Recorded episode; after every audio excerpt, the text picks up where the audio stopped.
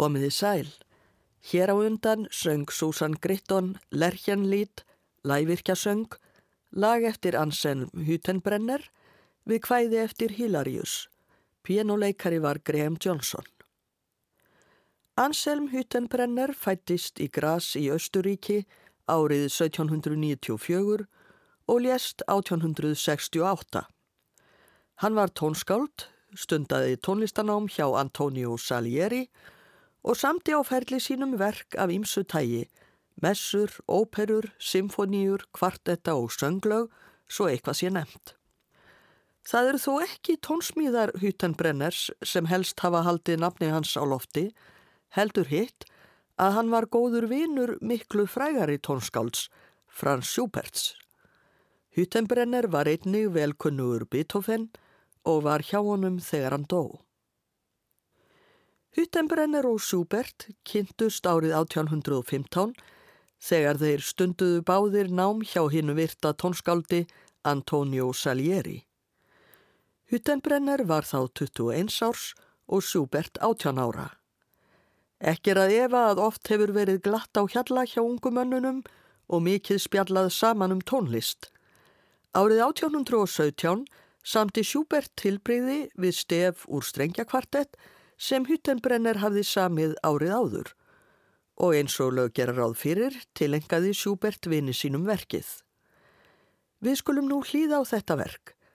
Stephen Osborne leikur á piano, tilbreyði eftir Franz Schubert við stef eftir Anselm Hüttenbrenner.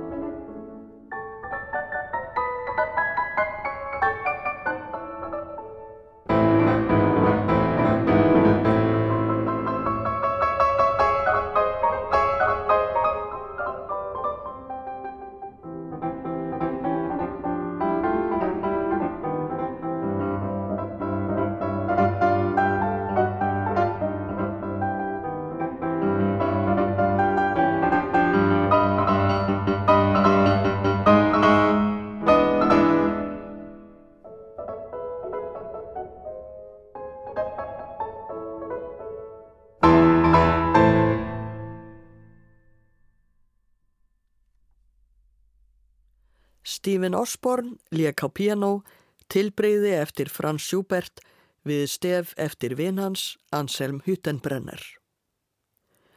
21. februar 1818 sátu Schubert og Hüttenbrenner saman að drikju og hinn síðan nefndi myndist þá á það við Schubert að Jósef bróðir sinn væri mikill aðdáandi tónlistar hans. Schubert ákvaðað senda honum lag og flýtti sér að skrifa upp sönglag sem hann hafði samið árið áður og hétt Di Forelle, Silungurinn. Svo litið blek fór niður í handritið, kannski hefur vínið átt einhvern þátt í því og Schubert baðst afsökunar á því í orðsendingu til Jósefs sem hann létt fylgja læginu. Handritið með blekblettinum var í eigu Hüttenbrenner fjölskyldunar fram yfir 1870 og var þá ljósmyndað en það er nú glatað.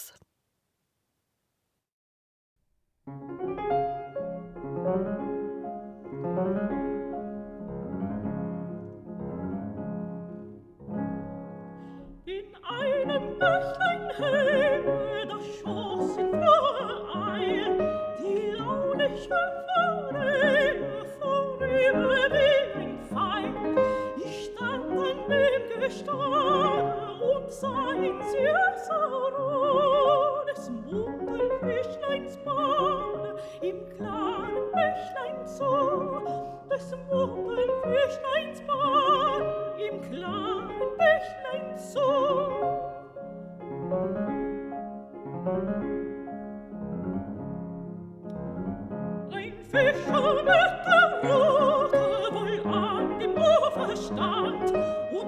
Mit kaltem Blute will sich das Licht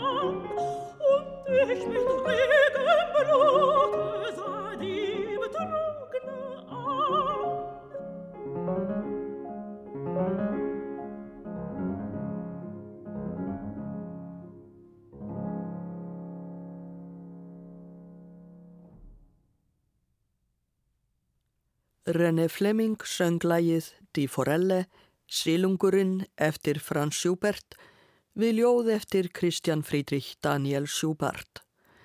Kristóf Eschenbach leik með á piano. Á árunum 1818 til 1821 samdi Schubert 36 dansa sem voru gefnir út undir heitinu 36 frumsamdir dansar fyrir piano og fengu síðar númerið D365 í verkaskrá Schuberts. Einn af þessum dönsum varð brátt þektur undir heitinu Tráervalser eða Sorgarvalsinn. Nafnið var ekki komið frá Schubert sjálfum sem neykslaðist á því með orðunum hver væri svo vittlaus að semja Sorgarvals. En þennan vals tilengaði hann Hüttenbrenner vini sínum og skrifaði á handritið samið fyrir félaga minn í kaffi, vín og púnstrykju, Anselm Hüttenbrenner, heimsfrækt tónskáld. Valsinn var síðar notaður í óperettuna Meiaskemmuna, Das Dreimetelhaus, sem Heinrich Berthe samdi og fjallaði um æfi Schuberts. Við heyrum nú fyrst valsinn eins og hann hljómar leikin á piano, hann er örstuttur og svo kemur hann eins og hann er sungin í Meiaskemmunni.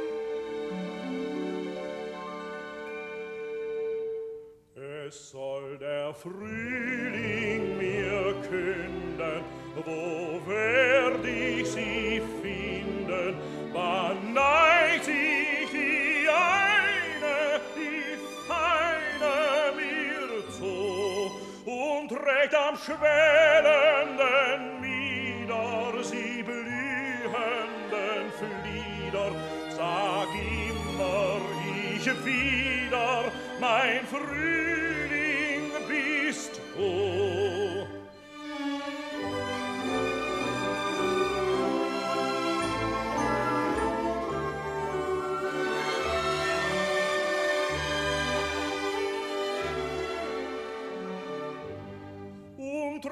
schwellenden Mieder sie blühenden Flieder, sag immer ich wieder, mein Frühling bist du.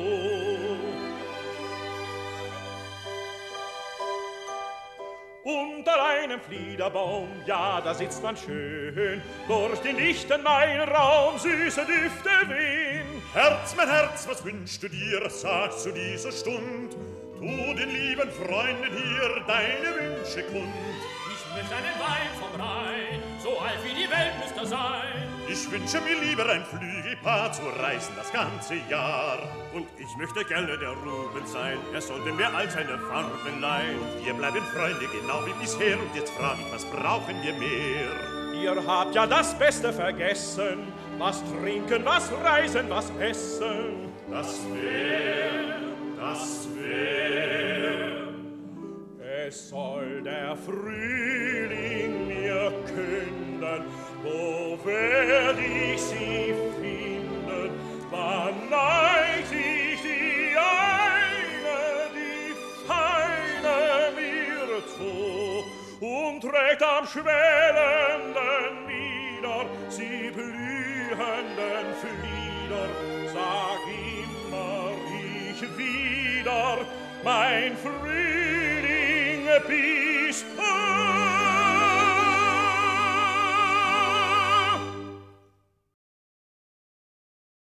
Sjani Di Luca lék á piano hinn svo kallaða Sorgarvals, Tráervalser, vals nr. 2 úr 36 frumsömdum dönsum fyrir piano, D365, eftir Franz Schubert og þar á eftir mátti heyra hvernig valsinn var gerður að sönglægi í óperettunni Meiaskemmunni árið 1916 en þá útbjó Heinrich Berti lög eftir Schubert svo að úrvarð óperetta sem fjallaði einmitt um æfi Schuberts.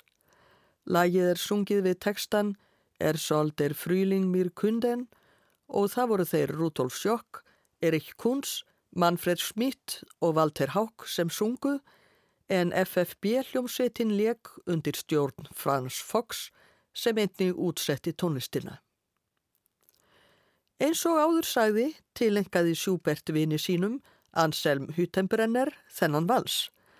Það á því ekki svo ítla við að í óperettunni skuli lægið vera notað í atriði þar sem Schubert syngur með vinum sínum um ást og vor. Hüttenbrenner var sjálfur tónskáld og árið 1825 samti hann lag við ljóð úr nýjútkominni bók eftir Karl Gottfried von Leitner. Ljóðið hétt Die Sterne, stjörnurnar, og í því lofar skáldið stjörnurnar björtu sem líða um loftið eins og englar. Árið 1828, þremur árum eftir að Hüttenbrenner samti lag sitt, samti Schubert líka lag við þetta ljóð.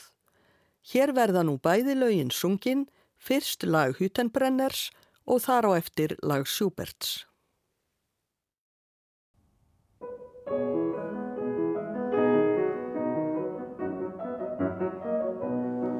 Wie blitzen die Sterne so hell durch die Nacht, bin oft schon darüber vom Schlummer erwacht, doch schell dich die lichten Gebilde drum nicht, sie üben im Stillen manch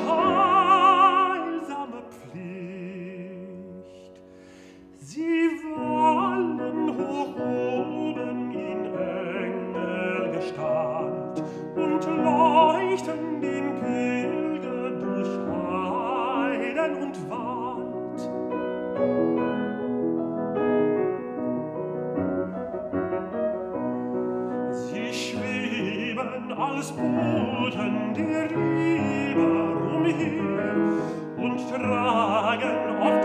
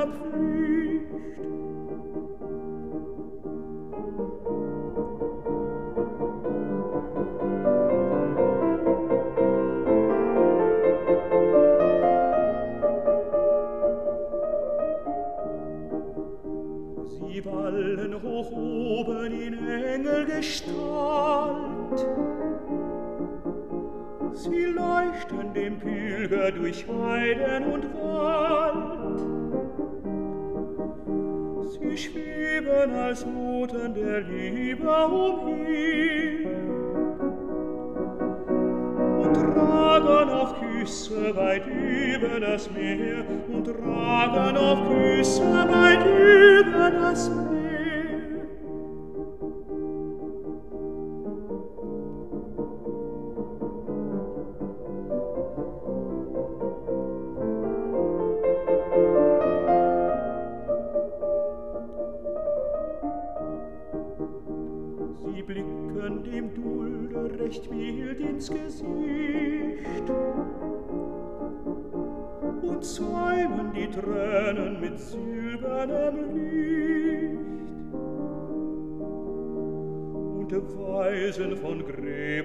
Tröstlich und hold. Uns hinter das Blaue mit Fingern von Gold, uns hinter das Blaue mit Fingern von Gold.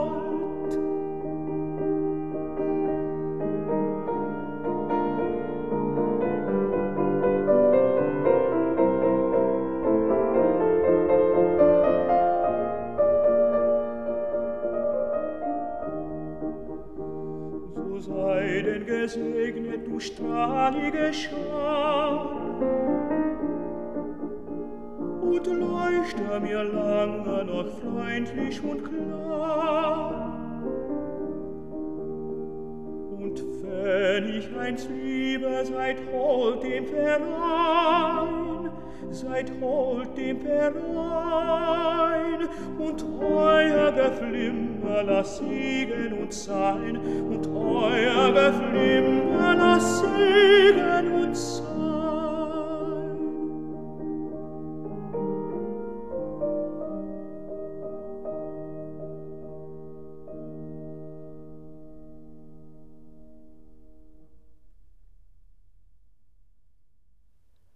Anthony Rolf Johnson söng lægið Die Sterne, Stjörnurnar, eftir Franz Schubert við ljóð eftir Leitner og þar á undan söng Mark Padmore lag eftir Anselm Hüttenbrenner við sama ljóð, lag sem samið er á undanlægi Schuberts.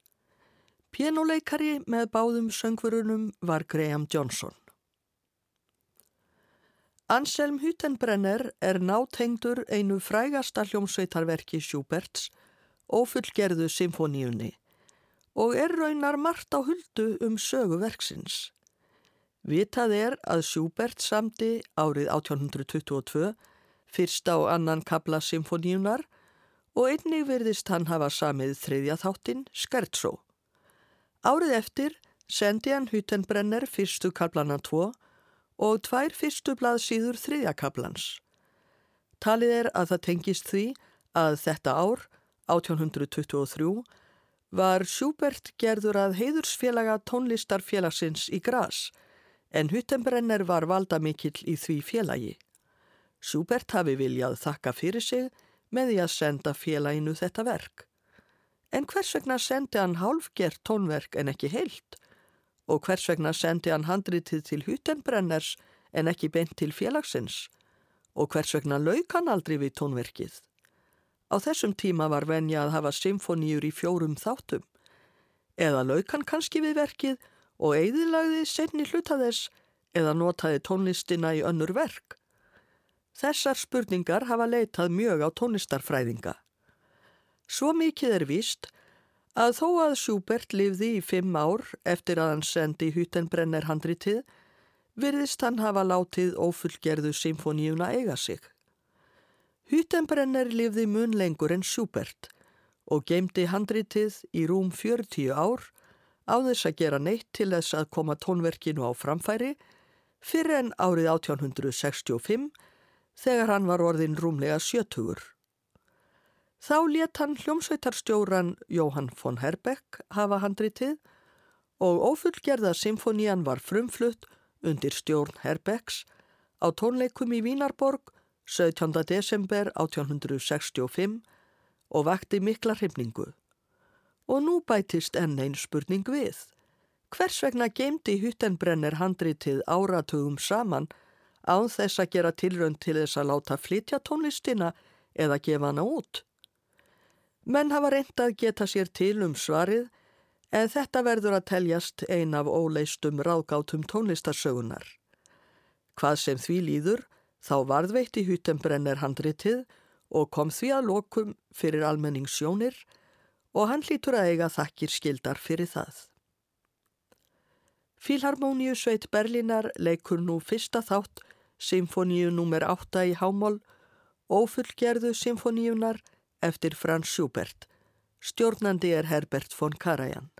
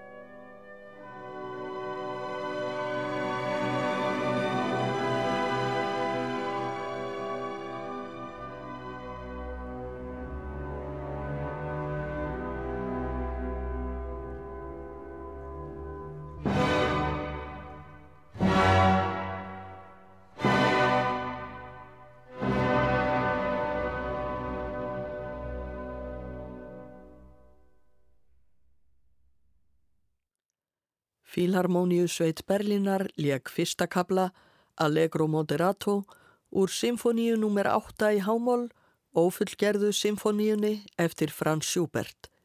Herbert von Karajan stjórnaði.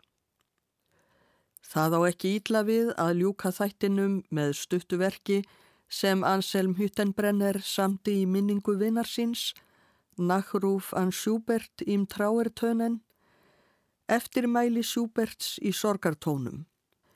Bergamaskvartettin leikur, ég þakka samfélgina, verði sæl.